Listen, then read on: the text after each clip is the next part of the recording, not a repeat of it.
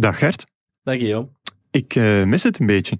Uh, wat mis je? De clickbaitquiz natuurlijk. We, we, hebben nu weer al een gast waardoor we geen clickbaitquiz kunnen doen. Zij blij, dan kan je niet meer Oh nee, niet, niet, zo beginnen, want ik ben echt on a winning streak. Dus jij zou degene zijn die normaal uh, op je donder zou moeten krijgen. We zullen zien. Ja, we zullen zien inderdaad. Maar tot het zover is, een nieuwe clickbaitquiz, is hier aflevering 26 van de Shotcast, de voetbalpodcast van Het Nieuwsblad.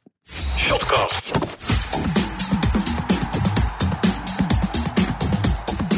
Gert, Yo. nieuwe gast, geen Ja, Lars. Geen Lars vandaag. Nee, eh, hoe, hoe gaan we hem voorstellen? Eh, evenveel voornaamletters als Lars. Eh, ook een van de weinige mensen die de stoel gebruikt die hier voorhanden is. Ja, inderdaad. En ja. voor het eerst in Dat zijn leven... twee koppen groter is dan wij. Ja, inderdaad. Ja. En voor het eerst in zijn leven een primeur is hij snipverkouden. Ja, Welkom. Erik Goens.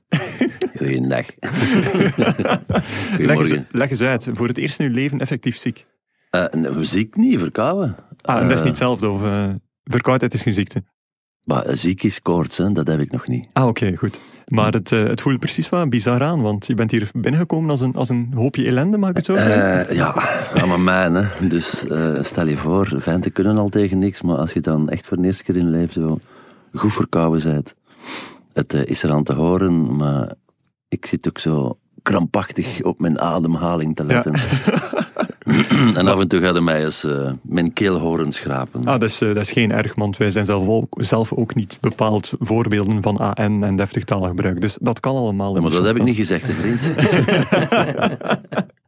Goed, eh, Erik, ja, mensen denken misschien een beetje een aparte gast in een voetbalpodcast, maar eigenlijk wie Play Sports heeft, die zou moeten weten dat jij perf- een perfect fit bent eigenlijk, want je analyseert daar geregeld. Boah, analyseert. Ik vind dat een heel groot woord. Ik vind dat een heel groot woord. Hè. Dus om te beginnen, dat doe ik zeker niet. Nee? De vraag is of dat de rest dat doet. Ehm, ik zit daar om mijn mening te geven. Als supporter in de eerste plek. Ik vind Ja, oké. eh, het, het, het, het, wat er absoluut bij voetbal hoort, Ja, is de mening. Als je, ik heb het nooit anders geweten. Als ik als, als, als pummelke van tien jaar het stadion uitstapte, ja, dat vond ik dan altijd een beetje een sacraal moment dat mensen zo de match herbeleven. Ja, oké. gezien, oh. Dus in wezen, er gaan er nu een paar gechoqueerd zijn, maar doen analisten niet veel meer dan die mens die het stadion uitstapt en zegt van, daar versta ik nu niks van. Zeg. Of juist wel. maar dan betaald. Oh, in mijn geval niet hoor. Dat Nee? is, eh, nee, nee, ik doe dat echt als het, het liefhebberij. Ah, oké. wow. Ja, ja, absoluut. Eh, Gert, we hebben hem gevonden, de onbezoldigde eh, Voetbal. analist. Ja, geen analist, hè, support. En nee, geen een analist. supporter, Als je dat nu nog eens zegt, denk ik weg. Oké. Wel, eh, eh, ja, misschien moet je gewoon eens zeggen voor, voor welke club dat je dan fan bent, want misschien weet niet iedereen dat. There's only one, hè. There's only one. Oh.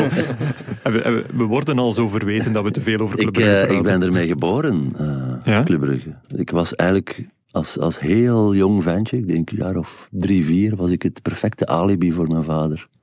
Om, om naar de voetbal te gaan. Ah ja? Ik ken dat, ik herken dat, want ik pak nu ook mijn zoon mee. En ik heb Ja. eigenlijk, als je, als je alleen naar de voetbal gaat, Ja? ja, dan, dan, dan ligt dat moeilijk thuis. Die gaan nu weer weg. En, en. Ja. En dat is mijn pa, maar hij is daar, eh, hij is daar zeker geen, geen eh, patenthouder op. Ja? Die had er niet beter op gevonden dan van mij mee te pakken, want ja, dan, dan doe je aan gezinszorg, zoals Ja. dat dan heet. Eh, dus ik heb nooit anders geweten dan, dan voetbal op zondag, was dat Ja. er nog. Ja. En ik denk dat ik voor mijn tiende, twaalfde ook echt al in alle stadions in heel België was geweest. En ik vond, dat, ik vond dat fascinerend. Wij woonden in Kokzijde. Dus de reis naar bijvoorbeeld Luik, dat was, goh, als kind is dat... Buitenlands stripje waard. Eh, ja, dat, dat is beyond. Eh, eh, je, je zit voor eeuwig in de auto. Ja.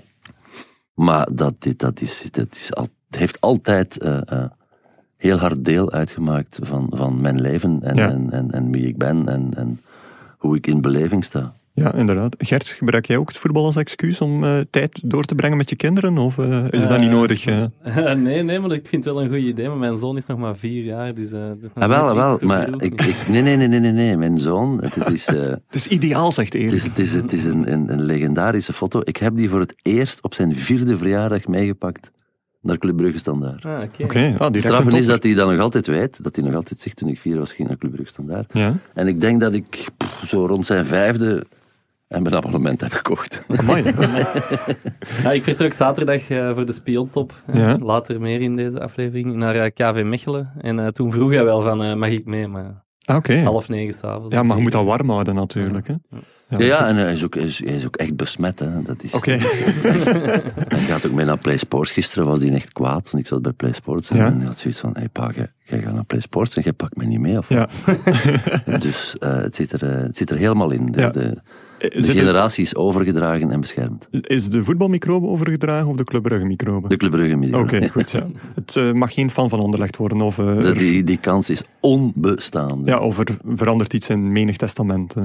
Nee, maar die kans is gewoon onbestaande. Dat is, eh, mijn, mijn hele schoonfamilie, dat zijn allemaal Anderlecht supporters. Dus Ja. die hebben echt alles in het werk gesteld om die kleine kapot te maken. Eh, maar het is, het is niet gelukt. Dat is echt... eh, ja, die, die eh, staat ermee op en die gaat ermee slapen. Oké, goed. Eh, het wordt een geestige aflevering, denk ik, Gert. Eh, Inderdaad. Ja, nu, eh, we hebben eh, niet meer de gewoonte om een correctietje te vermelden, of de correcties in het begin van de aflevering. Maar ik stel voor dat we nog één keer een uitzondering maken, want we hebben een, eh, een correctie gehad die eigenlijk ja, weer goed samenvat waar onze luisteraar mee bezig is. Namelijk ons echt pakken op zaken die bijna niets meer met het voetbal te maken hebben. Bijvoorbeeld eh, dit voorbeeld van Pieter-Jan Gorissen, die eh, sprak over eh, Christophe Dane. Die zei dat hij, Erik, misschien heb jij dat ook, ehm, als hij ergens aan moet komen, dat hij dan ja, moet tot drie keer daar aankomen of tot vijf keer. Zo'n soort impulsieve reactie dat je al je vingers moet aftoetsen aan een deurklink als je enkel met je duim eraan komt. En ik noemde dat ja, een Gilles de Latourette-achtige aandoening, waarop Pieter Jan mij een medisch traktaat heeft doorgestuurd, waar dat hij eigenlijk eh, bedoelde dat ik eh, Gilles de Latourette aan het verwarren was met obsessief-compulsieve stoornis, en dat allemaal vervat in een eh, vijftiental regels. Ja, als dat al de correcties zijn, dan, eh, Ja, dan, zijn we... wel mee. Is, Dan dat, valt die het wel plots, is dat die plots een ander programma aan het worden? Maar dat zijn dus de correcties die onze luisteraars ons bezorgen. Ja. Ja, dat zijn waar. Ah, kijk, het is zo'n momentje waar dat Erik even Ja. zich volledig omdraait. hè. Geweldig. Nee, maar ik, ik kan me inbeelden, jij als tv-maker moet toch ook soms de gekste opmerkingen van kijkers krijgen. Bij eender welk programma. Eh, There's no such thing as social media, dus... eh, Ah, oké, dat bestaat niet. Jawel, jawel, jawel. Dat is de meest rechtstreekse lijn om uitgescholden te worden. eh, met heel veel dt-fouten. Meestal staat in het eerste woord al een dt-fout en Ja. dan volgt de scheldpartij. Mhm. Dus je moet leren om je daar zogezegd weinig van aan te trekken, maar Ja. dat, dat is geen evidentie. Oké, nu, eh, Pieter Jan, eh, dit was een leuke correctie. Hè. Dit, dit werd niet aanvaard als een, als een scheldwoord, maar je moet ook soms af en toe ook eens nuttige opmerkingen krijgen, of niet?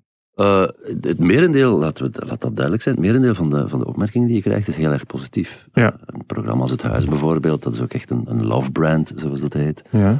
Dus je merkt dat mensen daar, daar ja, het, het klinkt bijna poëtisch, maar eigenlijk in hoofdzaak met warme gevoelens Ja. aan denken en overschrijven. Maar af en toe is er wel eens eentje die, eh, die uit de bocht gaat. Eigenlijk vooral als je, als je in voetbalprogramma's zit. Zo, Ja. Iedere keer als ik bij PlaySport zit, weet ik dat er altijd wel ene op het vermetele idee komt om me uit te schijten voor het vuil van de straat. Oké. Maar die, dat vind ik al niet meer erg.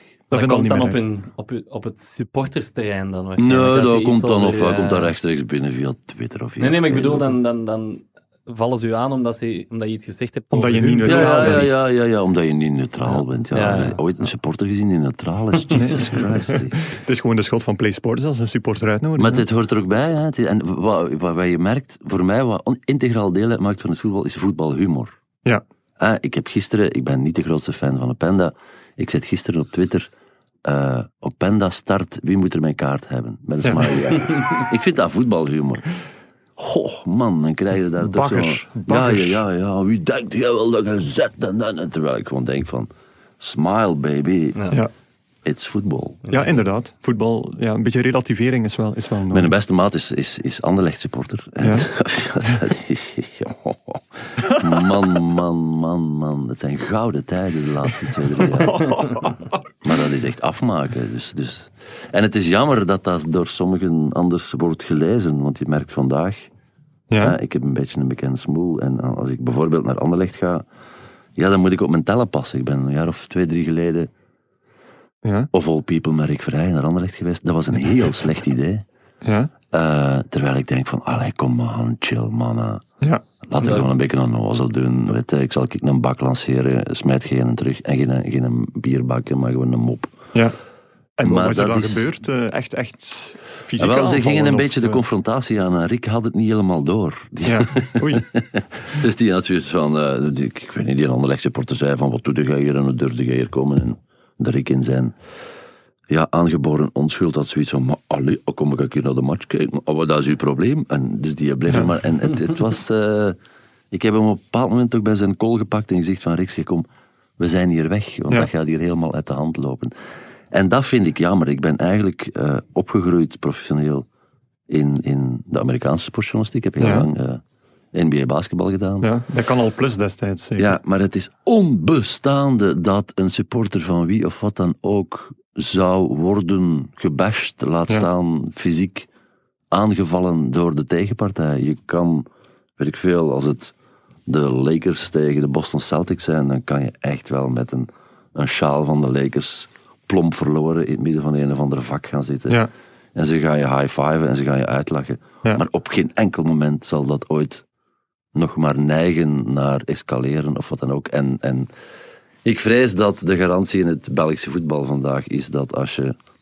Ook, ook, ook bij Brugge, hè, als je Ja. als Anderlecht supporter naar Brugge komt, ja, dan zijn er altijd wel een paar idioten die, eh, eh, die menen daar fysiek geweld te moeten Nee. gaan tegenoverstellen. Of tenminste toch de intentie of de aanleiding toe. Ja, nee, dat is, dat is een feit. Goed. Terwijl dat ik niet leuk... Ik vind het niks leuker dan naar Brugge en Anderlecht kijken met een Anderlecht supporter FC. Ja, zeker, als je, zeker als je wint, waarschijnlijk. Ja, maar in, in alle mogelijke omstandigheden is dat gewoon... Dat, dat maakt het gewoon... Dat maakt het fun, dat maakt het Ja. grappig, dat maakt het... En, en, en, en dat geldt niet alleen bij de supporters hoor, want je merkt dat ook bij de clubs. De lange tenen, ja, die eh, groeien. Elke, elk jaar groeien die nog 30 centimeter. Ja. Je zal maar eens durven zeggen over club X, Y of Z, dat je die uit niet zo geweldig vindt. Ja, Ja. hallootjes. Ja, nee, inderdaad. Ja. Dat is ook een van de. Ja, eh, het doet de ronde dat bij het tv-contract de huidige tv-uitzenders of broadcasters iets te kritisch waren. Dus dat zal misschien ook meegespeeld hebben in de, in de beslissing voor Eleven. Maar goed, eh, Gert, heb jij iets positiever meegemaakt afgelopen weekend over het voetbal? Eh, heb Ehm, jij iets ik heb leukers gezien? Ik ben naar KV Mechelen, was aan Bever geweest. Ah, de ik keukenmatch, Ik, ik kan er eh? wel, ja, ik kan er nog wel op inpikken, want wat ik daar heel triest vond, het was maar een klein groepje en ze werden Ja. terecht gewezen door andere KV Mechelen supporters, wat ik dan weer knap vond, was bij de 4-0 begonnen er enkele KV Mechelen supporters te roepen, in tweede klas is het ook plezant. Ja, dan denk ik, vier nu gewoon uw, uw vierde Dat is toch, doelpunt. dat maar kan toch perfect? Ja, ik Tuurlijk denk dan wel. vier uw vierde is- doelpunt en laat die mannen... Maar dat is voetbalhumor. Ja. Het was, het was eh, eh, Brugge-Gent, eh, eh, eh, of was het tegen Genk, ik weet het niet. Begon het publiek te scanderen, jullie worden nooit meer kampioen. Ja, dan ik, ik, vind dat, ik vind dat zeer geslaagde voetbalhumor. Dat is van een niveau dat je denkt van, het is van, van ja, van Gust mijn botten, maar, maar, maar het in, in een voetbalstadion hoort. En er zijn zo'n paar clubs, Beerschot is zo'n ploeg, Antwerpen heeft dat eigenlijk ook wel, Ja. die echt ingenieus zijn. Ja, dat is- waar, ja. waar- dus het, en, en, maar goed, je kan niet ingenieus zijn zonder ook flauw te zijn. Dus al die flauwe zever over keukens en, en tweede klas is toch plezant. Doen, echt waar. Liever Oké. dat dan, dan, dan dat ze op elkaar smoel beginnen. Ja. Heb je het gehoord, hè, Gert? Vol- Volgende keer meedoen. hè. ja, maar ik, ik zat echt in met de mensen van Was aan Bever. Die zaten daar, ja, die waren al bijna aan het huilen in dat vak. Want die stond er toevallig dichtbij. En, maar zat je er echt mee in? Of, Ja, eh, ik, ik, ik zou dat zelf niet goed kunnen verdragen als ze dat dan roepen. maar ik Waasland weet. Beveren is toch een accident waiting Ja, to happen? is zeker maar misschien waar, ja. is het ook plezant in tweede klas. Ja, ja. dat zeiden die supporters van KV Mechelen eigenlijk zelf. Wij zijn vorig jaar kampioen gespeeld, topjaar gehad. Dat gaan we misschien 30 jaar niet meer meemaken. Ja. Nee, ik, dat eh, klopt, ja. want ik zei er juist Beerschot en Antwerpen, maar ik hou van de supporters van KV Mechelen. Ik vind dat fantastisch, die beleving die daar zit. Al dat gezeik en dat gezever met die keukens en dat bestuur, daar kunnen die mensen voor de rest niks aan doen. Ik blijf ook vinden dat een club eigenlijk de facto eigendom is van de supporters. Oké. Een voorzitter, dat is van tijdelijke, maar wel voorbijgaande aard. Die blijft 5, 10, 15 jaar. Een trainer, die heeft juist niks te koken, die zit daar voor een jaar of voor Mhm. twee jaar. Dat is eigenlijk een soort passant. Maar die supporters zijn er altijd. En zeker in het geval van bijvoorbeeld Mechelen, ze hebben de club gered. Ja, een, een, een, een trainer en een bestuur, die, die zijn eigenlijk ten dele schatplichtig aan, aan de supporters. En, en de support, ik kan niet zeggen dat het een wilwet is, ik heb het een beetje moeilijk Als een club drie keer verliest en de supporters staan de, de, de, Ja. de hekken Ja. in te rammen, dat er dan per se weer een soort volksplebiscit moet zijn, dat gaat mij ook iets te ver. Maar eigenlijk is een club, en in Duitsland gaat dat heel ver, want daar Ja. zijn de, de, de, De 50, Supporters zelfs 50% aandeelhouders. plus één eh, structuur. maar een, club is eigendom met hart en ziel van de supporters. Ja, oké. Eh, verder nog iets nuttigs opgemerkt in KV Mechelen, eh, Gert? Want uh, ja, Waasland-Bever, ik zeg een accident waiting to happen, want het zit er gewoon toch al jaren aan te komen dat Waasland-Bever ooit wel eens zal zakken en gewoon hard leers is. Elk Dat is de, de ploeg die de laagste lonen betaalt. Maar Ja. ze zijn wel een van de weinige ploegen in ons profvoetbal die recent een jaarrekening allee, in Ja. groene cijfers had. Allee, Oké. Of zwarte, hoe, hoe noemen ze dat in de boekhouding? Niet rooien. Niet hè. in ieder geval. Dus dat is ook wel jammer dan. Hè, Maar want bu- Cercle buiten die- Philippe Clement heeft het toch, heeft het toch nooit echt gedraaid Nee, bij nee, nee, maar als je dan ziet dat Cercle daar miljoenen kan inpoppen via, pompen via Ja. Monaco, en dat dan Waasland Beveren het als lokale, ah, met lokaal geld en lokale verankering doet.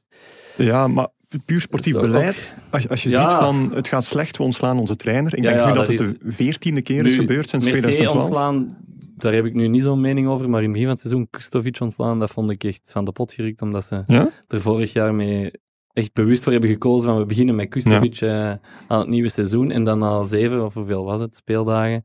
Ja. oké, het gaat niet goed, gooi hem buiten. Ja. Ja, Nou, dat als, als Clement was gebleven, was die intussen ook ontslagen. Hè? Ja. Dat hoort nu eenmaal bij clubs die eeuwig in die staart Ja. plakken. Ja, dat is waar. En dat is een, dat is een waanidee eigenlijk, want ja, ja, maar het is zo moeilijk om natuurlijk als je zelf Allee, Ja, als je zelf in die stoel zit, is het zo moeilijk om naar jezelf te kijken natuurlijk. Nee. Eh, Cercle eigenlijk, eh, wat zijn de meningen daarover? Ga, gaat Cercle zich nu daadwerkelijk redden? Want het programma is wel nog eh, pittig natuurlijk, met onder meer Club Brugge, eh, die ze ontvangen. Nee, ze trekken naar Club Brugge. Ze spelen nog thuis tegen een agent. Ze trekken altijd naar Club Ja, Brugge, ter- Oké, excu- excuses. Erik, excuses. Wat is dat nu voor iets? zeg? nee, maar Cercle gaat zich redden? Kort ja, nee? Als ik was aan Bever zag spelen, ja. Ja, oké. En jij Erik? Ik weet dat het moeilijk is om dat toe te geven, Mhm. maar... Eh, ehm, ik eh, ik eh, ga ervan uit dat ze het minst slechte papieren hebben. Minst, oké, goed. Dat is een heel diplomatisch antwoord. Hè? Nee, dat is, dat is eigenlijk zeggen van... Goh, als je het afgelopen seizoen bekijkt, dan, Ja. dan verdienen ze om te degraderen. Ja. Eh, maar als je dat van Oostende bekijkt en dat van, en dat van Beveren, kun je net hetzelfde zeggen. Ja, klopt. Dus ehm, ja, het, het, het verandert ook natuurlijk zo hard elke week. Maar Ja. Ik ben vandaag toch eerder geneigd om te geloven dat Beveren of Oostende er gaan uitvallen. Ja, oké. Gert, eh, jij zei daarnet, in 1B is het ook plezant. Of kan het plezant zijn? Of de supporters zeiden dat. Maar je hebt ook iets gezien Ja, het is, eh, dat alles behalve plezant was. Eerder Ja, weer de- hallucinant. de- het slot van de competitie staat weer eh, in, in het teken van een juridi- juridisch getouwtrek. Comme d'habitude, zou ik zeggen. Inderdaad, stellen. want eh, ja, Beerschot, wat is er eigenlijk gebeurd? Hè? Ja. Beerschot heeft de wedstrijd tegen Virton eerder dit seizoen verloren door een, eh, een vrij schop die binnenging, Ja. terwijl de, de scheidsrechter de, het muurtje nog aan het, op- eh, aan het opstellen was. Daar heeft Beerschot een klacht tegen ingediend, want dat was 1-0. Nu is beslist dat die wedstrijd moet herspeeld worden. Mhm. Dus die moet volgende week maandag herspeeld worden. Maar eigenlijk is het vrijdag al de laatste speeldag. Beerschot doet nog mee voor de tweede periodetitel. Ehm als Beerschot nu zijn twee wedstrijden nog En Virton ook, hè? Oké, Nee, Virton ondertussen niet meer. hè. Ah, oké. Ah, ja, die eh, hebben het verloren, wat van ik- tegen ja. Westerlo. sorry. Dus ja, Westerlo kan nu dit weekend winnen en eigenlijk nog boven West Beerschot staan. Maar dat kan maandag dus weer al voorbij zijn. Oké. En eh, ja, natuurlijk, Westerlo, Virton, ze trekken naar het BAS. Ja. Om daar, en het BAS werkt eigenlijk opschortend, maar die Ja. hebben nog geen klacht ontvangen. Dus die kunnen nog niet zeggen wanneer ze een oordeel gaan vellen. Ik ben even weg, man. hè. Ik ken de definitie van voetbal. Hè. Hè, Het duurt 90 minuten op het einde Ja. winnen de Duitsers. De Maar- definitie van 1B is... Het duurt 36 speeldagen Ja. en op het einde verliest Beerschot. Inderdaad. Ja. Maar nu, nu zijn ze misschien wel in het voordeel. Maar Ja. dit doet mij eigenlijk denken aan Ja. eh, Antwerpen-Eupen van ondertussen vier jaar geleden. Toen was, er Eh, ook, ja. toen was er ook voor de wedstrijd een heel gedoe rond White Star Brussels dat failliet, al dan niet failliet zou gaan. Die hebben toen ook nog drie punten bijgekregen, of enkel meer zelfs, punten bijgekregen. En de ze- rellen na de match Omdat was ook Serijn, zeker? Serijn een, eh, een, een geschorste speler had opgesteld en zo. Vlak voor de laatste speeldag Antwerpen-Eupen kwam White Star over Antwerpen en Eupen. Ja. En het strafste dat ik toen heb meegemaakt is, ik ben de dag voor Antwerp-Eupen, hè, dus Ja. White Star stond eerst, dan Antwerp-Eupen. Dag voor die wedstrijd ben ik binnengeroepen, of ah, gebeld door Patrick de Kuiper. ja. Die zegt, Gert, ehm, Toenmalig CEO. ehm, kan je binnen een uurtje op mijn bureau zijn? Ik wil alsnog een interview geven voor deze ultieme match. Want ja, ik had dat in het begin van de week aangevraagd en hij was toen geweigerd. Hij wou dat niet doen. En ik kom binnen in zijn bureau en eh, hij zegt: Gert, eh, weet je, de titel moet zijn: wat er ook gebeurt. Allee, als we morgen winnen, zijn we, allee, we vieren de titel. Hè, Ja. Want hij ging ervan uit dat White Star nog failliet zou verklaard worden. Ja. Wat ook uiteindelijk gebeurd is.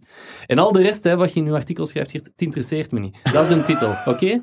Goed, tot, eh, tot morgen. ik zeg, Ja, ik mag toch hopen dat het een titel niet is geworden. Nee, nee, nee. En ik, zeg, ik zeg, ja, maar oh, eh, wat gebeurt er hier? Allee, gaan wij Nee, dat kan niet toch eens niet? een echt gesprek voeren of geen eens een echt interview? Want dan kan ik toch geen interview publiceren met u. Ja. En een dan heeft zonnepaneel gekregen? Dat Nee, nee, nee. Maar uiteindelijk hè, nog wel een interview, want op zich was zijn stem op dat moment wel relevant als Ja. Antwerp ja, bijna kampioen, benadeelde partij, zogezegd, in, Ja. in, in, een, eh, in een zaak. Ze vonden zelf dat ze benadeelde partij waren. Dus het interview is nog wel, eh, heeft nog wel Even- Oké, goed. Maar een dus- hallucinant voorstel eigenlijk. Ja, ongelooflijk. hè. Heb je er melding van gemaakt toen? Of Nee, vertel je het nu voor het eerst? Dit, is de eerste keer dat ik het vertel. En dan moeten dat soort figuren met kloten tegen de muur plakken. ja, ja, Taalgebruik, Erik. Ja, maar nee, nee, nee. Dat, voor dit soort figuren geldt dit Ja. soort taalgebruik. ja, je hebt gelijk. Nee, klopt. Eh Erik, wat heb jij deze... eh, ja, ik ging zeggen, wat heb jij dit weekend nog gezien? Maar jij bent eigenlijk niet eh, in het Jan Breidel stadion opgeduikt, eh, opgedoken. Nee, ik ben er niet geraakt. Ik, ik woon in het Leuvense, dus dat Ja? is iedere keer een rit van twee uur. Je kunt Ja. veel zeggen, maar niet dat ik er niet veel voor over heb. Ehm, en ik had even met het thuisfront gebeld rond de middag in, in het diepe West-Vlaanderen. Ja? En daar werd mij verzekerd dat de storm orkaanachtige proporties aan het aannemen was. Dus ik dacht van, als ik nu in die auto spring, weet ik veel, half twaalf, twaalf uur, om vervolgens rond een uur of één, het was ook, het was ook echt pokken weer, Ja? eh, ter hoogte van Wetteren te horen, de wedstrijd is afgelast. Eh, mijn verkoudheid was al komende. Dus, ik, Uiteraard, dus, ik, dus ja. ik dacht van, ik word salonsupporter vandaag. ik leg mij in de zetel. En eh, even hard genoten of net niet? Want Charleroi heeft, eigenlijk... Ik geniet al een paar weken niet meer. Het is Nee? echt om, om, om Zit je in dat kamp, ja? Maar nee, niet dat kamp. Het is gewoon, het is, het is niet meer echt eh, eh, aantrekkelijk hè, de laatste weken. Maar goed, dat hoort erbij. Hè. Je kunt niet elke week eh, de pannen van het dak spelen. Maar Ja. het was tegen Beveren, en ik druk mij voorzichtig uit, geen vette. Het was tegen Manchester United. Echt een, ik sluit me aan bij Louis van Gaal, die zei dat het een draak van een wedstrijd was. Oké, maar het was toch oké, de prestatie op zich. Ja. Je kunt toch niet verwachten dat ze domineren zoals tegen een pakweg Eupen of zo. Maar dat gaat niet eens over domineren. Het was heel, het is, het is, het er wordt op dit moment in en rond Brugge niet meteen erg aantrekkelijk voetbal gespeeld. Er wordt nauwelijks nog gescoord. Dat vind je ambetant, ondanks het feit dat... Maar het eh, staat een beetje haaks op, op wat er gezegd wordt over Brugge. Als we Ja. de gazetten moeten geloven, dan eh, elke week opnieuw dan, eh, zijn ze klaar om de wereld te veroveren. Maar het is geleden van de kerstwedstrijd tegen Waregem 4-0, Ja? Dat er nog eens meer dan twee keer is gescoord. Meer nog, het is, het is van toen geleden dat er met meer dan één doelpunt verschil is gewonnen. Dus dat staat een beetje haaks op de perceptie alsof Ja. Brugge hier en nu alles zou kapot spelen. Ze hebben een, een verdediging, en maar Ja. goed ook. Want eh, ja, vooraan valt er weinig te rapen op dit moment. Nee. Nu, vandaag wel in het nieuwsblad. eh, onze eh Club Brugge-watcher, eh, Bart Laga, die zegt wel van... Ja, het, het swingt inderdaad niet meer. Hè. En de punten zijn er wel nog steeds, maar... eh, nu wordt het wel voor de eerste keer aan de kaak gesteld en wordt terecht gezegd van ja, tegen Manchester United zal het wel beter moeten, mensen. Dus begint het wel Maar- ook door te komen op dat vlak, of niet? Het, ik las het ergens anders in een andere krant, ik weet zelfs niet meer de welke, maar daar, daar was de titel ehm, Zo'n vormcrisis, daar kun je wel mee... Allee, als je dan nog zoveel als, eh, punten er- pakt... Er stond eigenlijk, ik denk dat in de krant was die we niet bij naam zullen noemen, het laatste nieuws. Eh, ja, ik denk dat daar, dat, dat, dat, en er werd terecht gezegd van, als iedere club wil tekenen voor dit soort vormcrisis. Ja, want die blijft inderdaad, winnen. Ja. Maar goed, hè, fijn, hè, want de boetade zegt eh, slecht spelen en, en winnen, daar word ik kampioen mee. Klopt. Maar als supporter mogen ze wat mij betreft net zo goed, goed spelen en, eh, en, en winnen. Ja, ik heb het gisteren afgezet. Ah, ik wel, het is, niet voilà, het professioneel, komt maar ik heb het inderdaad. wel Jawel, afgezet. jawel, jawel. Ik bedoel, why not? En je moet wel amuseren. Dus het komt inderdaad op een punt dat je denkt, ik had tegen Beveren al goesting om hem uit te kwakken. Maar goed, dan denk je van, ze gaan nog wel scoren. Ja. Ik heb mij tegen, tegen Manchester United echt geërgerd. Dat ik dacht van, kom on man, deze is echt een slechte match. Ja. En hoe uitzicht dat dan op de tribune? Ben je iemand die ook begint te roepen en Nee, te staan? nee, of, nee, of, net het hoofd diep tussen de benen steekt? Eh, de- de- geen van beiden. Eh, ik, eh, ik sterf in stilte. Oké. Ik, ik, ben, ik vind ook, ik ben niet zo'n luidruchtige sporter. Ik, ik, pleit voor een verbod op mensen die op hun vingers fluiten. Want Ja. op den duur beginnen hun woorden te tuten van al die weirdo's die bij ieder, iedere scheidsrechterlijke beslissing op hun vingers gaan fluiten. Dus in, in, tweede klas is het wel plezant, mag wel gezongen worden, maar vingers sluiten, ho maar. Niet in vingers fluiten, dat is erg alles. Na, een hele match naast, die- naast iemand gezeten die elke... Ik wil hier even op mijn vingers fluiten door de Nee, micro. nee, dank u. Nee, dank En dan gaat hij met een eh, behoorlijke fluittoon terug naar huis. Oké, ja. Eh, dus supporters mogen zich verbaal misdragen. En misdragen tussen haakjes als het Ja. gaat over lacht ze maar uit en lacht met elkaar. En, Maar geen fluitjes, geen vuvuzelas, geen... eh, oh, vuvuzelas. waar, man. Bah. Jongen, jongen, jongen. Nee, inderdaad. Eh, maar heb je er dan geloven in een stunt komende donderdag bij Manchester United? Goh, als je een beetje eh, nuchter zijt, dan mogen Maar dan zijn we, dat is een supporter de facto niet. Hè? Nee, dan mogen ze daar natuurlijk in geloven, maar moeten wel beslissen dat het eigenlijk behoudens een een of ander mirakel, dat het volstrekt onmogelijk is. Ja. We hebben het nog altijd, daar wordt, daar wordt tegenwoordig heel makkelijk overgegaan zo. Ja, Het is wel Manchester United, hè, man. ja. nee, dat klopt. En die mogen nog eh 34ste staan in de Premier League. Eh, ik denk dat Martial op Brugge ongeveer 16 seconden zijn duivels heeft ontbonden. Dat was goed voor een goal. voilà. Ja, klopt. En je zag ook echt aan die mannen dat die, ja, ik ga niet zeggen geen goesting hadden, maar het zal toch niet veel gescheeld hebben.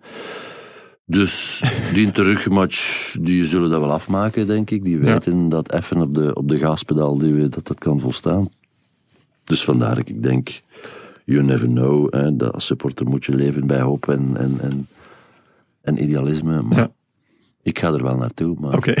Oh, dat wordt er echt een tof uitje met die instelling niet, dan. eh. Niet met de overtuiging eh, dat, dat ze straks... Ik ga er, je kan niet een kansberekening doen en zeggen Brugge heeft 40% kans om Nee. zich te plaatsen. Natuurlijk niet. 1%. En laten we ons dan optrekken aan die 1%. Maar Ja. ook niet meer dan dat. Goed, Gert, akkoord? eh? Ja, Ja, eigenlijk wel. Ja. Eerlijk gezegd, er valt weinig tegen te beginnen. Nee, Maar inderdaad. heeft Gent meer kans, Guillaume? Ah, wel, eh, ik ben in Rome geweest en ik moet zeggen dat eh, als je de twee helften optelt, dat Gent gewoon de, de betere ploeg was. Dus eh, puur op De twee helften optellen, dus de wedstrijd. de wedstrijd eigenlijk. Ja. Ja, een klein voorzetje al richting Bob Peters Award is dat. Eh, nee, maar eh, Gent was, was gewoon dominant de betere. En hoewel AS Roma wel de ruimtes had op een gegeven moment, want ze speelden met ehm, heel drie, drie centraal aanvallende middenvelders, waardoor die ruit eigenlijk naar achter gedrukt werd. En ondertussen met opkomende backs krijg je daar dan ruimte. Torup had die, zei hij achteraf bewust ook vrijgelaten. Maar met die ruimtes deden ze niets. En zag je wel dat het een ploeg is die nog zoekende is, die, die wat moeilijkheden heeft op Ja, dit maar het, moment. het grote verschil en het grote voordeel voor Gent is dat daar vooraan iemand loopt die ze bij Brugge in de verste verte niet hebben lopen. Namelijk Als hij fit raakt natuurlijk. Iemand, nee, nee, Nee, iemand die een goal kan maken. Ah, met David bedoel ik. En die ja. tegenwoordig met zijn ogen dicht scoort. Ja, zet zo'n type vandaag Ja. bij Brugge. eh, want het is altijd een beetje een raadsel. eh, de, de one million dollar question voor de match. Wie gaat er vandaag eens een goal maken? Ja. Eh, maar dat is bij Gent natuurlijk. En daar weet je ook dat je, als de omstandigheden een beetje meezitten, als je drie kansen krijgt, wat zo ongeveer het totale aantal is in zo'n match, Mm, Ja, ik verwacht wel meer eigenlijk. maar dan, ook, dan eh, gaan er bij David wellicht twee van de drie Ja. in. Als Brugge drie kansen krijgt, tenzij Dennis struikelt, maar dan gaat er, dan gaat er, dan gaat er geen ene in. Nee, nee, dat en is, dat eh, is vandaag echt dat, dat is de, de verklaring voor heel die eh, vormdip. Het is heel lang opgevangen door, door Van Aken en consorten. En er werd eigenlijk uit alle linies gescoord, behalve Ja. door de spitsen. Dat is wat droog komen te vallen. En, en, en daar zit je echt met een probleem. Dat je met, met vijf, zes spitsen zit, waar dan Ja. ook nog duchtig mee geroteerd wordt. Maar niemand waarvan je met enige zekerheid kan zeggen... Die eens een goal maken vanavond. Ja, toch meer analist dan supporter af en toe. Nee, nee maar, eh, ja, eh, maar Erik heeft wel gelijk. Eh, het enige probleem is dat Gent in tegenstelling tot Brugge eigenlijk een veel slechtere uitslag heeft natuurlijk. hè. 1-0 daar, terwijl ze effectief echt wel eentje hadden moeten scoren. Ik verwacht niet dat ze de nul gaan houden in eigen huis, want als je echt heel aanvallend speelt, en wat ze ook wel zullen doen, vermoed ik, dan, ehm, dan ga je op een gegeven moment op een counter lopen en is zonder wel eentje tegenprikken. Ik denk dat het eerder een doel gaat zijn om er drie te maken eh, en niet om er twee te maken en eentje eh, en, gewoon de nul te houden. Dus dat wordt wel heel moeilijk om er drie te maken tegen AS Roma, maar er is geloof, er is hoop, ze spelen goed. Ze hebben tegen Sint-Truiden echt heel goed gespeeld, echt buiten de eerste tien minuten 80 minuten gewoon dominant. David, Hetrekje, de eerste keer bij Agent in zijn carrière. Uh, Toekoer, de eerste keer bij, in zijn clubcarrière. Um, dus ja, alles zit wel mee als de Poitre fit raakt, wat wel essentieel zal zijn om dat resultaat te bereiken. En uh, verder genoten van uh, Olympico? Stadion ja, dat wel. Het was de eerste keer dat ik daar was. Mm -hmm. iedereen zegt wel, oh, het stadion zijn al jaren aan het zoeken naar een nieuwe locatie, maar dat blijft wel redelijk indrukwekkend. En ja, het is ook zo leuk om te zien hoe, dat je, hoe dat ze het anders aanpakken dan in België. Bijvoorbeeld, ehm, er kwam op een gegeven moment iemand langs van de communicatiedienst met een papiertje waarop het aantal supporters uh, ja, vermeld stond. Als wij een digest maken voor in de krant, vermelden wij dat altijd, maar dat wordt altijd via WhatsApp doorgestuurd of, of een syndic uh, komt dat meedelen. Maar hier stond er effectief het exacte aantal uh, verkochte tickets, het aantal mensen dat effectief was opgedaagd en vooral hoeveel dat die match heeft opgebracht. Ah, serieus? En dat bleek dus een revenue van 1,1 miljoen euro te zijn. Aan tickets? Uh, aan tickets. Dus dat was wel een leuk ideetje dat ze in België wel mogen overnemen. Uh, en ook misschien wel uh, de manier van veiligheid of de manier van aanpak van veiligheid. Want bij ons durft het wel nog eens gebeuren met ook het terreurniveau dat nog steeds hoog genoeg is om altijd gefouilleerd te worden als journalisten, dat ze amper kijken in die zakken die wij mee hebben. Dus ik kan niet zeggen dat wij de doelgroep zijn. Of... Ligt, hè, daar moet je ik pleit voor een, een totale fouille van sportjournalisten. Oké, okay, een totale fouille, voilà, kijk. Maar Strip down. Bij AS Roma, zeker die fotografen, was dat wel redelijk het geval. En, en ook de supporters zijn drie tot vier keer gefouilleerd geweest. Wel toevallig dat er toch een paar uh, ja, uh, Piro-elementen aanwezig ja, waren dat, in het vak van AS Roma. Ja, maar is dat is niet in Italië geweest dat er een journalist, een bevriende journalist, uh, Piro mee binnensmokkelde voor, ja? de, voor de, de thuisfans? Ah, kijk, van, is dat ooit gebeurd. In, dus misschien heeft dat ermee te misschien maken. Heeft dat ermee te maken. Ik vond wel een, een heel groot verschil ten opzichte van mijn eerste Europese verplaatsing ooit, dat was Panathinaikos. Je zou denken, ja, heet geblakerde... ja, inderdaad, gekke Grieken. Um, nu, dat stadion was echt gek genoeg, want oh, ik weet nog hoe dat we naar de perszaal moesten gaan, of naar de perstribune moesten gaan, dat, dat liep echt via elektriciteitsleidingen die niet waren afgedekt, die niet waren afgeschermd. Dus dat was echt wel, echt wel uh, ja, heel raar dat aan de UEFA-standaarden voldeed.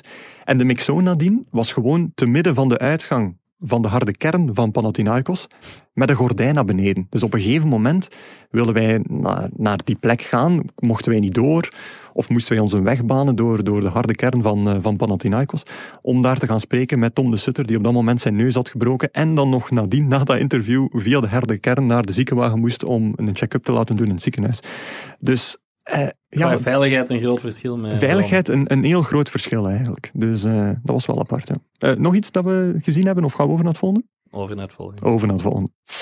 Shotcast. De MV van de week, of van het weekend. De rubriek waarin we wekelijks iemand van in de bloemetjes zetten of dat extra duwtje geven waardoor hij of zij helemaal van de trap valt.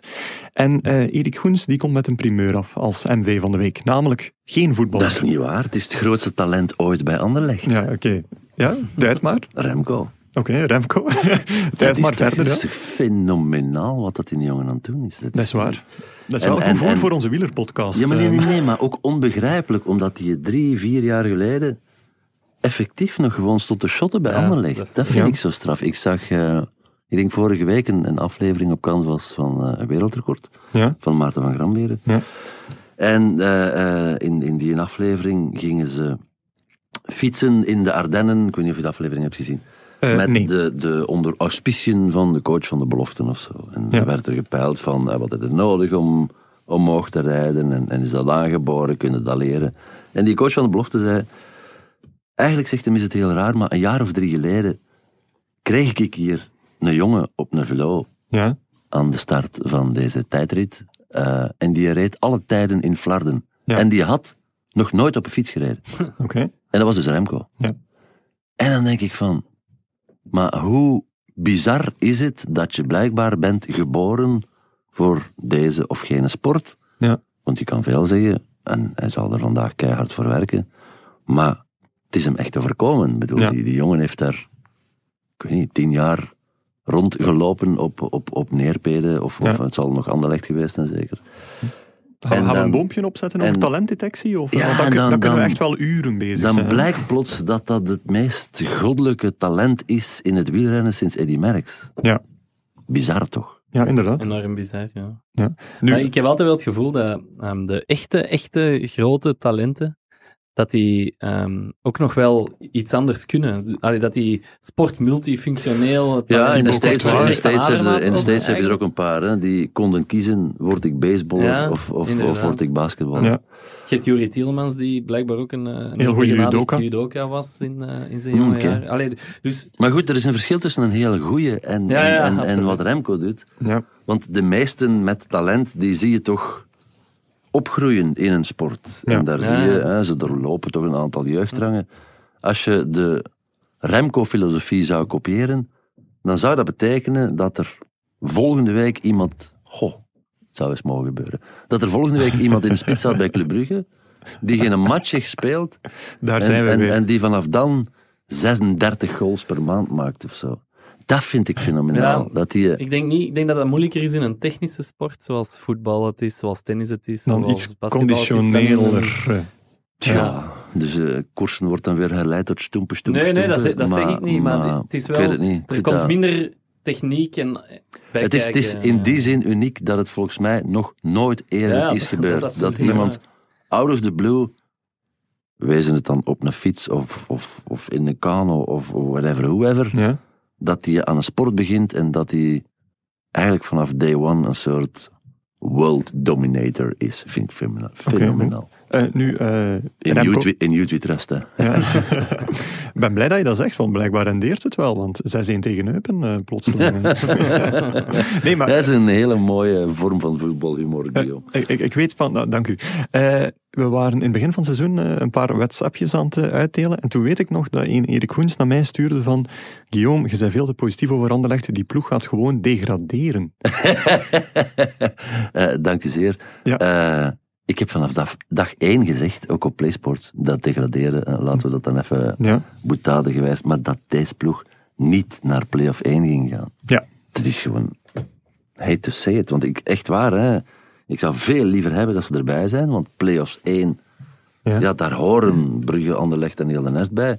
En het is, met alle respect voor Mechelen en Zulte en heel de Nest, maar het is als Brugge-supporter nog altijd een stuk leuker om te winnen en kampioen te worden tegen Anderlecht dan tegen Mechelen of Zulte. Terecht. Dat is waar. hè. Gert, wat vond jij van Anderlecht? Want het was eigenlijk de eerste keer dat je nog zo'n klassiek avondje of klassiek middagje constant van de Stokstadion had. Of Ja, Lotto Park, om het zo Dat is nu te waar, maar zeggen. ik wil ook niet overdrijven met, met de... Allee, Eupen speelde nergens meer voor. Nee. Eupen stond na... Maar die matchen die- met tien man. In het begin van het seizoen zouden die matchen niet gewonnen hebben. Of Ja, toch niet maar- zo op die manier. Nee, maar Eupen zou hem zo niet aangepakt hebben. Nee. Je moet eens die goals bekijken. Zeg. Ik weet niet wat die verdedigers speelde aan nergens meer voor. En Het was, kaart, stonden met het was tien. kaartavond bij de verdediging van Eupen. hè. Iedere, iedere bal die achter de linies ging, Ja, stonden ze te kijken en te Maar ze, hadden na een kwartier al een man tekort om te kaarten. ja, ja, maar het was toch, het was toch wel heel, heel erg triest. Nee, maar zien we verbetering bij Anderlecht de laatste weken? Ik moet wel zeggen, Company speelde Nee. een dik oké partij. Nee, Jij zegt gewoon geen- nee, vlak maar af. nee, omdat de enige verbetering er zou kunnen in zitten dat je een soort regelmaat krijgt. Ja, En het geheugen van de journalistiek is heel kort, namelijk match per match. ja. Maar Hoe lang is- hoe lang is het geleden? Mechelen, ja. Hoe lang is het geleden dat ze tegen Mechelen op een, op een onnavolgbare, pijnlijke manier zijn onderuit Ja. gegaan? En Cercle Brugge was nog In de pijnlijker. match waarin het moest gebeuren. Hè.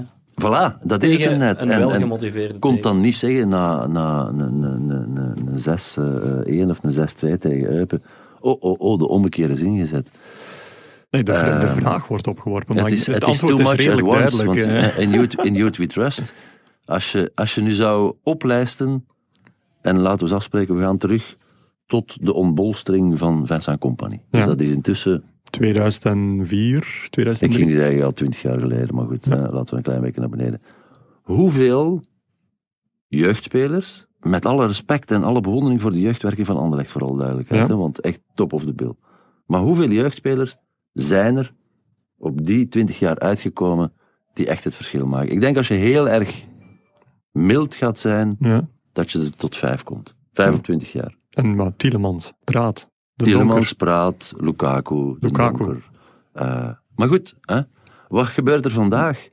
Ja. Is dat ze, er, dat ze er zeven of acht in één keer in die ploeg steken. Dat is het, maar dat En- is het grote probleem. En ook. dat gaat natuurlijk nooit werken. Er zitten, hè, het moet straks nog blijken, maar ik durf inderdaad vermoeden dat iemand als Doku, eh, eh, Doku moet ik zeggen zeker, Ja.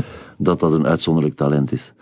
Maar er zitten er minstens twee of drie, vier anderen bij die in alle andere mogelijke omstandigheden nooit van zijn leven in de eerste ploeg van Anderlecht zouden staan. Nee. En dat breekt hen zuur op in dat gebrek aan regelmaat, dat je gewoon voelt dat in de breedte de kwaliteit niet, niet, Nee. niet hoog en niet groot genoeg is. Nee, en het is ook te veel en te snel, inderdaad. Ja. Gert, eh, jouw M of V van de week? Ja, Eden Hazard. Oei, en om hem in de bloemetjes te zetten of nog meer eh, van de trap te doen? eh, hart onder de riem te steken. ah, oké, maar dat is geen optie. ja. ja, we moeten dat doen. nee, zeg het maar, Ede Hazard, want... Eh, ja, de, de man is weer uitgevallen met een barstje in de enkel. Ja. Ehm, minstens En twee maanden barst. oud. Ja, pas op, het is een stressfractuur. En dat, is, dat is een heel raar iets. Die medische correcties hebben we in het begin van de aflevering al gedaan. Ja, maar nee, maar ik ben, dat is nu echt iets wat, wat in de NBA al, al, al heel lang meegaat. Die stressfractuur dat is vaak een, een, Mhm. Ja. een, een gevolg van overbelasting. Alhoewel ik me dat bij Eden Hazard moeilijk kan inbeelden op dit moment. Maar het is zeer onvoorspelbaar. Het Ja. kan twee weken duren, het kan twee maanden duren. Maar de, de, de, de niet hoera, maar de, de vreselijke stemming in de gazetten van vandaag, van, als ik sommige kranten mag geloven, is hem nu al uit voor het EK. Ja, hallo.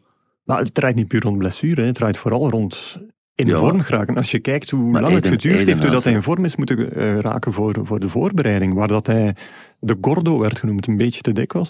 Ja, ja, maar En dat heeft ook maanden de- geduurd, hè, eer dat hij op niveau was. Zijn comeback is, vrij, eh, is van korte duur geweest, maar hij was al man van de match. Ja. Ik heb altijd het gevoel dat als er iemand is die op basis van zijn overschot aan intrinsieke talent heel snel terug is, dan is het toch wel Eden Hazard. Ja, maar dat zal moeten blijken, want het is al even geduurd. En ik dat denk, nog ik denk net van, goh, stel nu dat hij een week of zes uit is, dan is die volgens mij klaar om dat pannen van het dak te spelen op dat EK. Want we merken net op al die EK's en WK's dat... Ik ben heel bevreesd voor Lukaku. Ja, waarom? Die speelt al heel het jaar op een, op een gruwelijk hoog niveau. Ja. En je ziet toch vaak in die EK's en die WK's dat de spelers die excelleren, dat dat degene zijn die je tijdens het seizoen minder hebt gezien. Die Ja. Tussen haakjes de chance hebben gehad om één of twee of drie maanden geblesseerd te zijn. Dus Mhm. ik, eh, ik zou nou niet panikeren over eh, Eden. Pa- panikeer jij, eh, Gert? Nee, dan. Hè. Ik ben gerustgesteld. Ik meer. Je, gerustgesteld. je, je moogt een eigen mening hebben. hè. Nee, Ik weet- nee, maar, panikeer. Ik, vind dat, ik kan het te moeilijk inschatten. Wa- Ja. wat heeft- welke impact heeft dat als die twee maanden uit is? Ja, dan gaat hij zes maanden niet gespeeld hebben. Ja. Ik vermoed dat dat wel een impact heeft ehm, op een speler eh, als Hazard.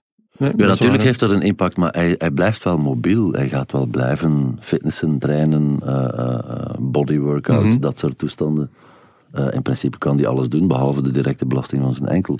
Dus het is niet zo, en ik ga ervan uit dat ze hem wel zullen begeleiden bij Madrid, maar het is niet zo dat die man eh, ja, geïmmobiliseerd in, in zijn canapé zit. Mhm. Dus zijn, zijn algemene conditie zal wel onderhouden worden.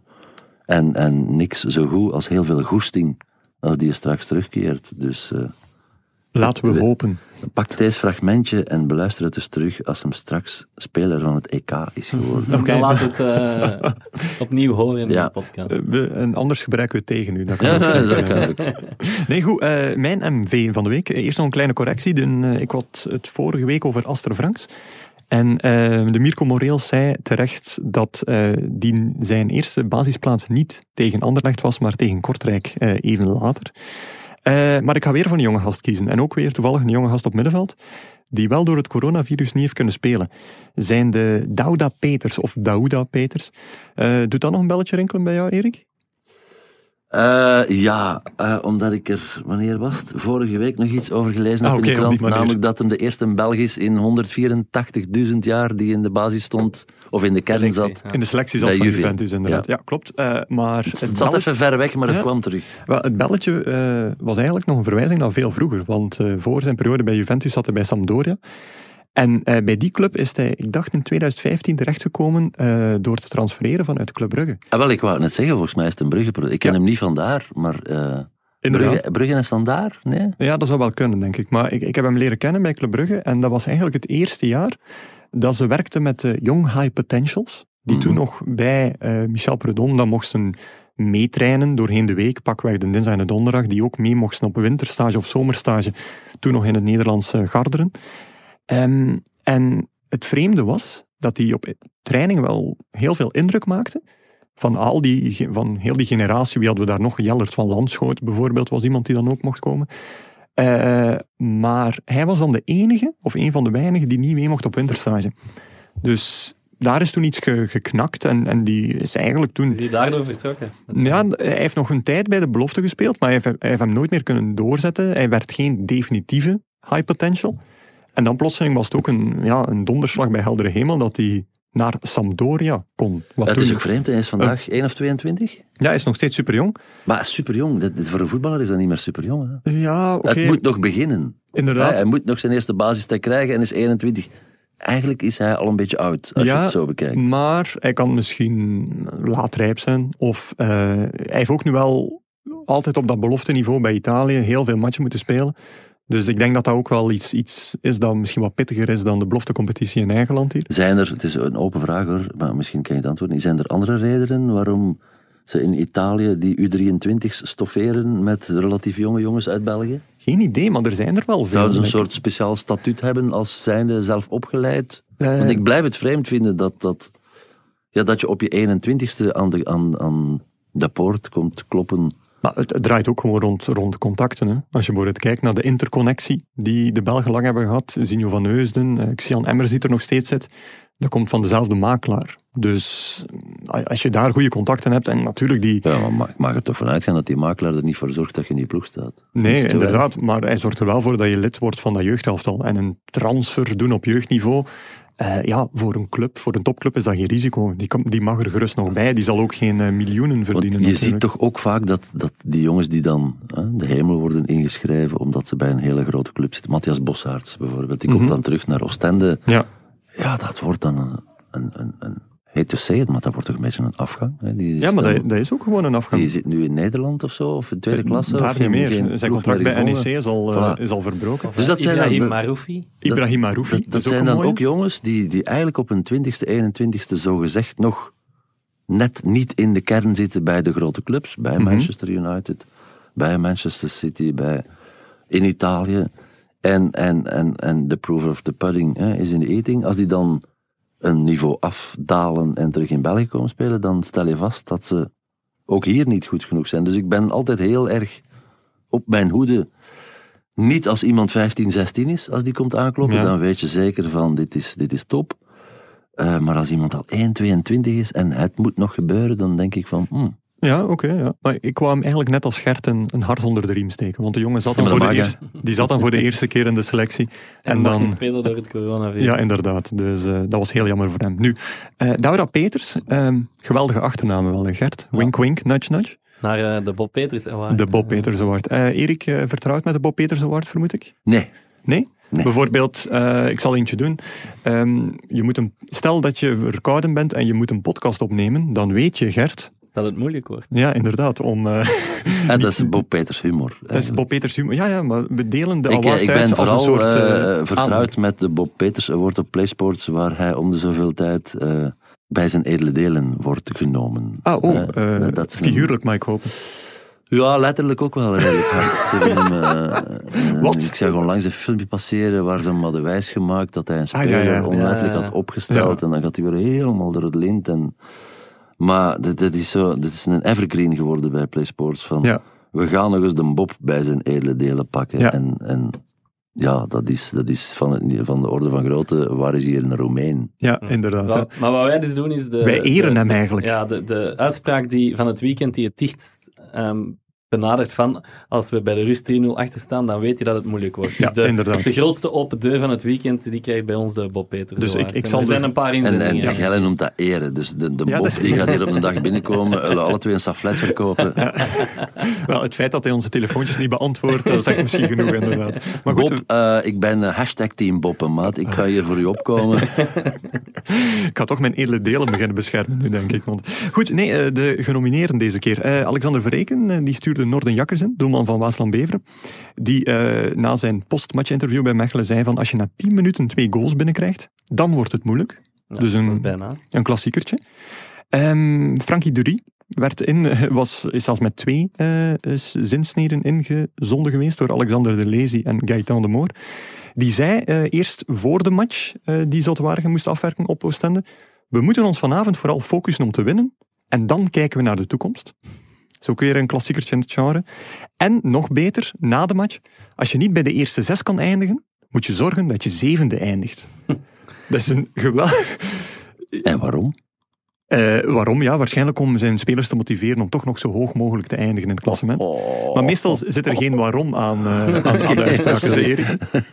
maar ik um, moet wel zeggen, Frankie Dury, we, we, kunnen de, de award wel bijna omdopen tot de Bob Peters slash Frankie Dury. Ja, is wel, hij wordt wel heel vaak genomineerd. Ja, inderdaad. Ja. En, en hij maakt school, hè, want Samuel, Samuel Bastien die uh, begint tegenwoordig ook te spreken over play-offs 1, ah, ja, blijkbaar. Ik heb juist ook play-offs 1 Ja, ik hoorde ja. het. Ja, ja ik, ik dacht van, wat zeg ik nu? Ja, maar, maar ik dacht van, ik kan mezelf niet corrigeren, twee zijn toch niet wakker. Ja. maar bij deze dus playoffs 1. Nee, oké. Okay. Uh, Lars Godot, onze eigen Lars Godot, werd genomineerd door uh, Jelle Lanen. Die merkte op dat um, uh, Lars vorige week de ongoal van Alderwereld ongelukkig noemde. Maar Jelle stelde zich terecht de vraag van wanneer is een ongoal dan gelukkig? Ja, dus de ongelukkige ongoal... Als de keuken oplevert. maar de absolute winnaar is onze eigen analist, Hein van Azenbroek die uh, voor Dortmund, uh, Paris Saint-Germain, met Bob naast hem, een geweldige uitspraak deed, die opgemerkt werd door honderden mensen, waaronder Arne Moens, Dieter van Heer, Raf Hermans, Nico van Halen, die uh, wisten te melden dat de analyse van de heer Van Azenbroek klonk als volgt. Ik denk dat vandaag de winnaar degene zal zijn die het efficiëntst is, want er zullen kansen komen langs beide kanten. Wie er de meeste kan afmaken, zal de partij winnen. Zoals Erik Hoens zei, van, er bestaan geen voilà, analisten. Voilà. ik, wou, ik wou net de cirkel rondgewijs even zeggen van so far voor de diepgaande analyse. Inderdaad. Proficiat Hein, tot over naar het volgende. Shotcast. De spiontop. En uh, ik ben heel blij om uh, mee te delen dat we een nieuwe recensent hebben, Gert Gijssen. Ja, eerste keer voor mij, spiontop. Um... Was het leuk? Uh, nee, daarvoor was nee? het niet goed genoeg. ah, oei.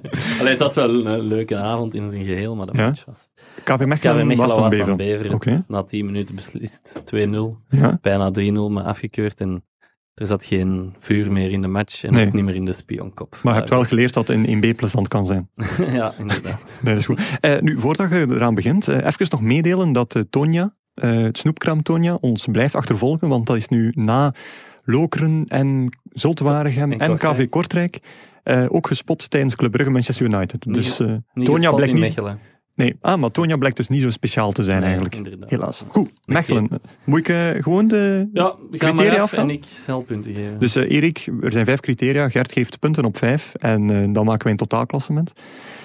Bereikbaarheid van de kazerne, achter de kazerne. Dat is een hele moeilijke, want eh, ik denk dat dat voor de gemiddelde supporter een 2 op 5 of zo Ja. is, of een 1 op 5, maar voor mij een 5 op 5, want ik was uitgenodigd door een KV Mechelen supporter waar ik in zijn garage mocht staan en dus Ja. twee straten van het stadion geparkeerd stond. Ja, dat is wel een beetje biased wel. eh. Oké, Ja, maar ik ga altijd bij hem staan als ik naar KV Mechelen ga kijken. dus vijf op vijf. Ja, 5 op 5, ja, het is nu zo. Oké, goed. Eh, hamburger, daar misschien wel een eerlijke quotering? Ja, 3 op 5. Ja? Eh, vooral te denken aan eh, de goedkope prijs, want het was buiten het stadion slechts 3,5 euro. Nu heb ik wel horen zeggen dat die kraam buiten het stadion, dat was in Ja. de kleine Nieuwendijkstraat voor Ja. de locals, ehm, dat die in de week ook aan het station in Mechelen staan, Ja. maar daar maar 3 euro vraagt. Die slaat zijn prijzen gewoon op, of wat? ja, inderdaad. En het was ook zo net genoeg ketchup om mijn handen al niet vuil Ah, dat vind ik wel een belangrijk de- criterium eh, van een hamburger. wedstrijd. Dat is waar. Eh, Erik, eet jij altijd hamburger of braadworst? Frieten? Friet. Ja. Oei, maar ik vind frieten niet zo top rond stadions Dat eigenlijk. is uw probleem, hè, vriend. dus no, sir, ik ga niet naar de voetbal zonder een pak frieten met tartaar. Met tartaar? Ja. Ah, tartaar uit een doos zeker. Nee, nee, verse tartaar op Club Brugge. dat Oké, eh, maar verse tartaar, dan moet ik zeker een keer langs gaan. kwak erop en, en, en binnenhaspelen. En dan heb je wel geteld eh, tegen dat je van het stadion, hè, tijdens de rust, Ja. naar beneden en terug naar boven. En dat ongeveer 7 minuten en 12 seconden om die frieten te eten. Oh, echt, ge- En echt dus ook mijn zoon van zeven, waar ik dan met een soort trechter die frieten door zijn keelopening duw. Eh, maar dat is een van de rituelen. Dat is een van de rituelen, dat Ja. mag niet gebroken worden. Nee. Eh, de pint, eh, Gert, Eh, de pint eh, 3,5 euro, eh 3,5 op 5. was dat ook de prijs? Nee, of, het was wel 2,5 euro. Oké, ja. Ehm, want ehm, ja, ik had eigenlijk eh, bij mijn gastheer, waar ik mijn auto mocht parkeren, al een triple down vers gedronken. En, ja, Dat is wel uw biertje aan het worden. Zeg, gedronken en, hebt, eh, dan weet je dat het moeilijk Triple wordt. dan vers en nog een paar pinten en terug naar huis rijden, meneer. Nee, triple down vers en één pint, echt waar? Ja, En dan Ja. terug naar huis rijden. ja en dan terug naar Ja, huis. is erover, hè. Op drie uurtjes. Eh, maar het, eh, het mooie daar was, Ja. in eh, Mechelen staat er eh, onder de tribune een koelcel, waar dan de sponsor wat eh, Ja. info geeft over, eh, over de pint. En blijkbaar wordt daar, eh, wordt daar 6000 liter koud gehouden, Ja. 24.000 pinten. Er, worden, er is 320 meter bierleiding en 5000 pinten worden daar per kwartier getapt. Oké, en waar, wa- wat is het nut van die opsomming? Leuke weetjes. Leuke, leuke weetjes voor de voetbalsupporter, oké, goed. Eh 3,5. De, de sfeer, daar verwacht ik toch wel veel van. eh. Ja, nee, drie. Ehm, Oei. Ja, voor een van de meest Mechelen heeft een hoog- meer potentieel, dat weet ik. Ik ben er al wel vaker geweest, maar Ja. deze wedstrijd eh, was het maar flauwtjes door de vroege voorsprong. Maar dat lag misschien aan Waasland Beveren dan. Ja, door de vroege voorsprong maar dat. En, en nog iets speciaals dan aan de sfeer? Niets dat op... Nee, Nee? nee. Drie, oké, goed. ja. X-factor hopelijk dan? Eh, een 3 op 5. Oei, ook zo Ehm, zuinig. Ja, het- leukste was eigenlijk gewoon dat er voor de wedstrijd... Het was nogal een rare speaker, dat hij voor de wedstrijd... Is dat niet eh, Bart Kanaert? Nee, nu niet. Ah, het was niet Bart Kanaert. Ehm, die eh, liet meteen weten, ja, de wedstrijdsponsor is Vendor Toilethygiëne. Wat? En dan riep, dan riep hij daarbij van, ja, Geweldig, toch? maar de, de leuze dat hij erbij riep was nog beter. Vendor heeft één doel. Maak van elk toiletbezoek een happy moment. en, en dat bij de kakkers. Hè.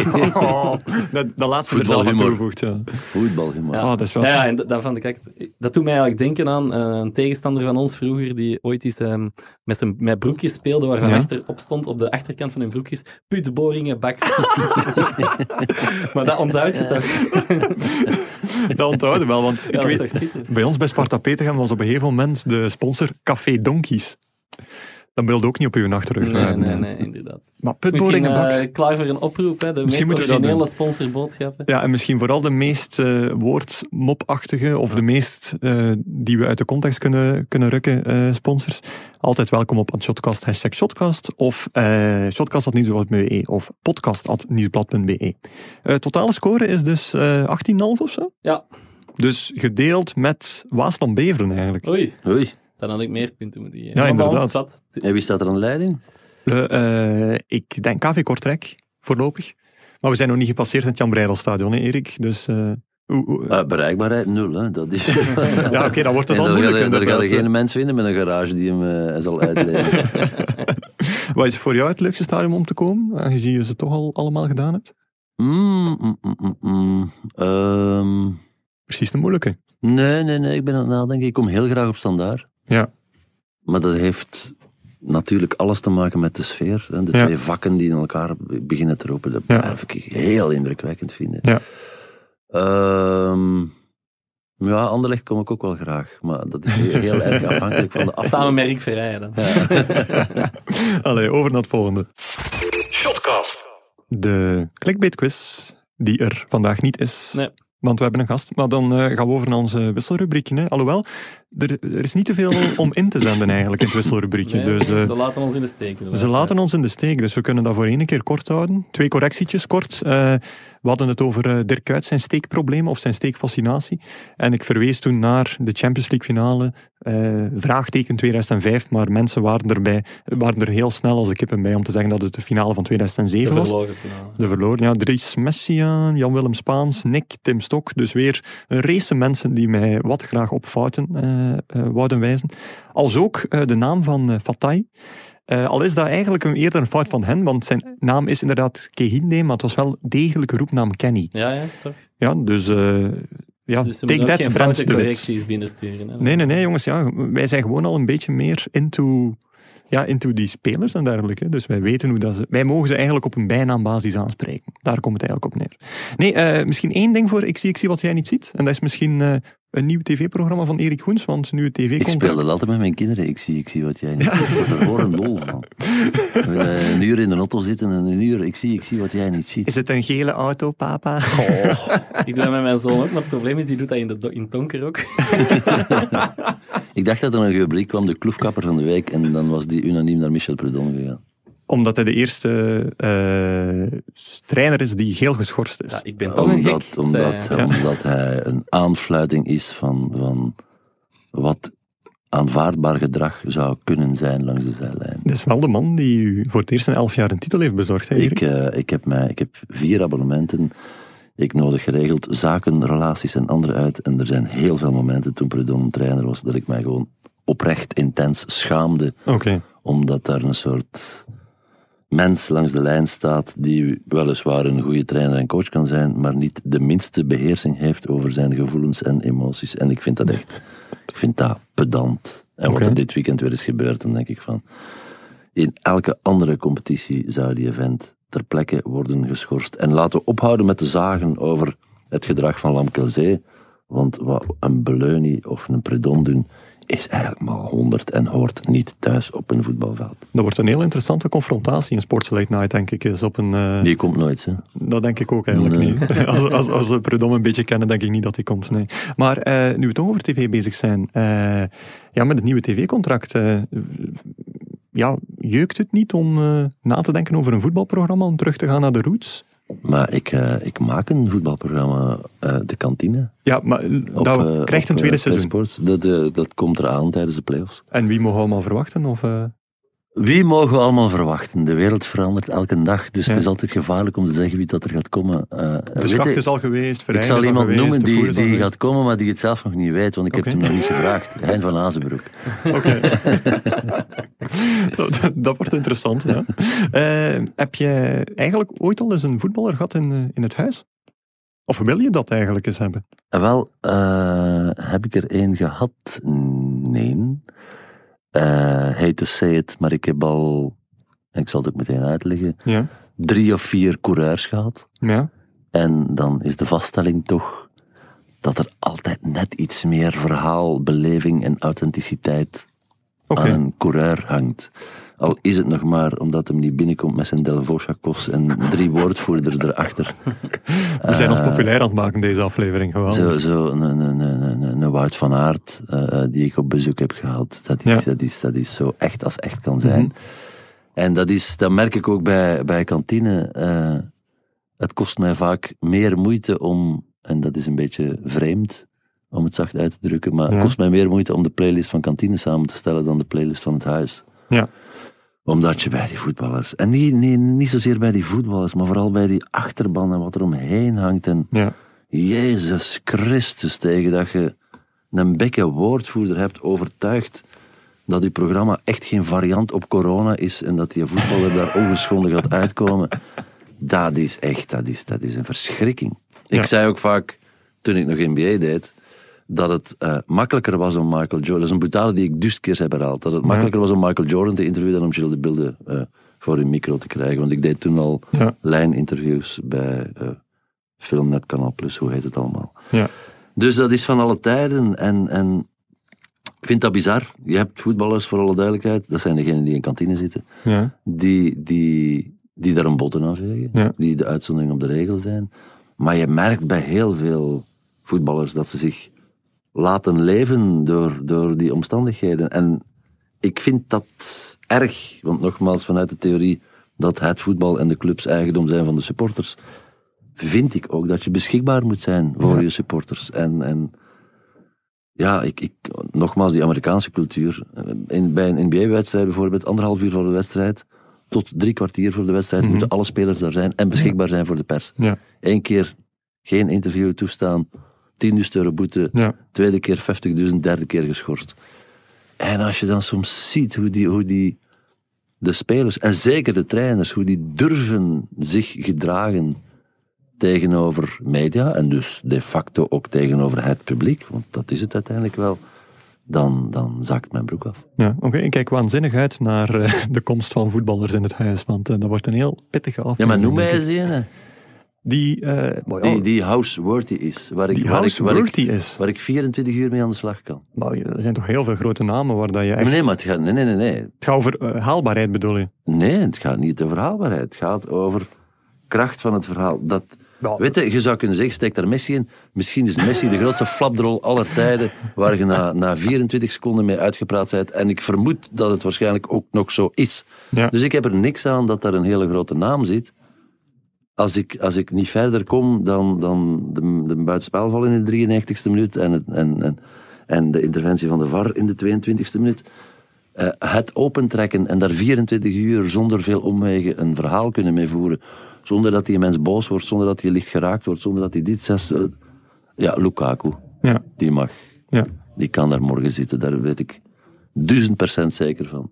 Dat ik daar een verhaal kan mee gaan opbouwen. ja, maar dan is dat afgeklopt. Hè. Dan kunnen we... Ah, wel, Romelu, als je luistert naar de podcast, eh neemt even contact op met de Guillaume en, En dan, komt dat in orde. dan vinden we elkaar wel. Hè.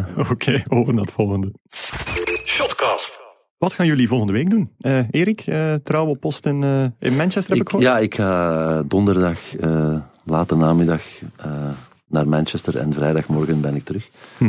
Ehm, dus dat is... eh, dat is, eh, Dat is een leuk uitje inderdaad. Ik neem aan dat je niet wil weten wat ik in mijn privé se, momenten allemaal ga doen. Dus als het, als het Dat over mocht je voor jezelf houden, ja. Als het over voetbal gaat, dan, dan is dat mijn agenda voor deze week. Ja, en Romelu Lukaku natuurlijk stalken om in het Ah ja, nee, komen. nee, Stalken, nee, die gaat bellen. Ja, die gaat bij- Gert, wat jij? Ja, als Erik mag uitweiden over de koers, dan Ja. mag ik ook zeggen dat ik naar Omloop het Nieuwsblad ga. Ah, oké. En nog een beetje sponsoring, een Nee. beetje naam, drop, Ja. name dropping. Maar van wacht, nee, nee, ho, ho, ho, nu Oh. ik hier toch zit. Sorry mannen.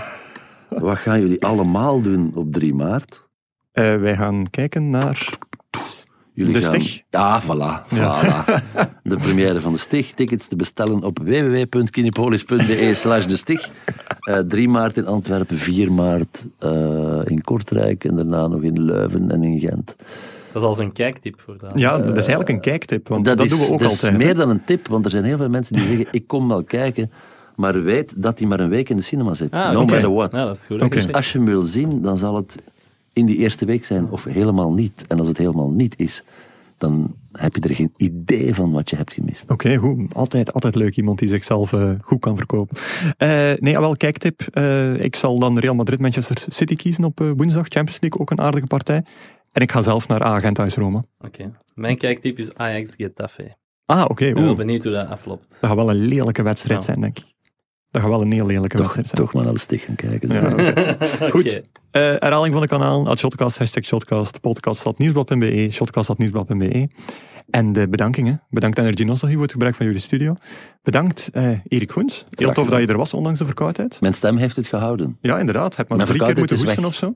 Dus dat was wel... eh, Het was ja, wij- wij- hebben therapeutisch, je het was, gered het was eigenlijk. helend. Ja, Oké, top. absoluut. En eh, ja, bedankt finaal. Misschien Bob Peters om hopelijk... Ik, ja, ik kruis mijn vingers. Sorry Bob. Net als Romelu Lukaku Sorry, ons Bob. telefoontjes is op te nemen. Want dat zou heel leuk zijn voor het volgende verloop van, eh, van de Shotcast de Misschien komende stoppen we dan wel met eh, Bob Peters. Misschien stoppen we dan wel. Het is een suggestie die we doen, Bob. Maar waar het tegen de Bob? We hebben er Niets. niks tegen, helemaal niet. Dat is, dat is, dat is onze heiland. Dat- Ik zeg het u, het is echt eren. Maar Ik goed, heb er altijd een goede band mee gehad ook toen ik journalist, als journalist Westerlo volgde en zo. Maar, het zal wel zijn. Laatste woord, Bob is geweldig. Tot de volgende keer. Shotcast. Wil je nog meer podcasts van het Nieuwsblad beluisteren? Surf dan naar onze website of je favoriete podcast-app en klik door naar onze wielerpodcast De Koers is van ons of De Stemmen van Assisen. Een podcast waarin onze experts Pieter Huibrechts en Cedric Lagast u begeleiden doorheen de meest frappante juridische zaken van het moment. En laat een recensie achter. Daar worden wij oprecht gelukkig van.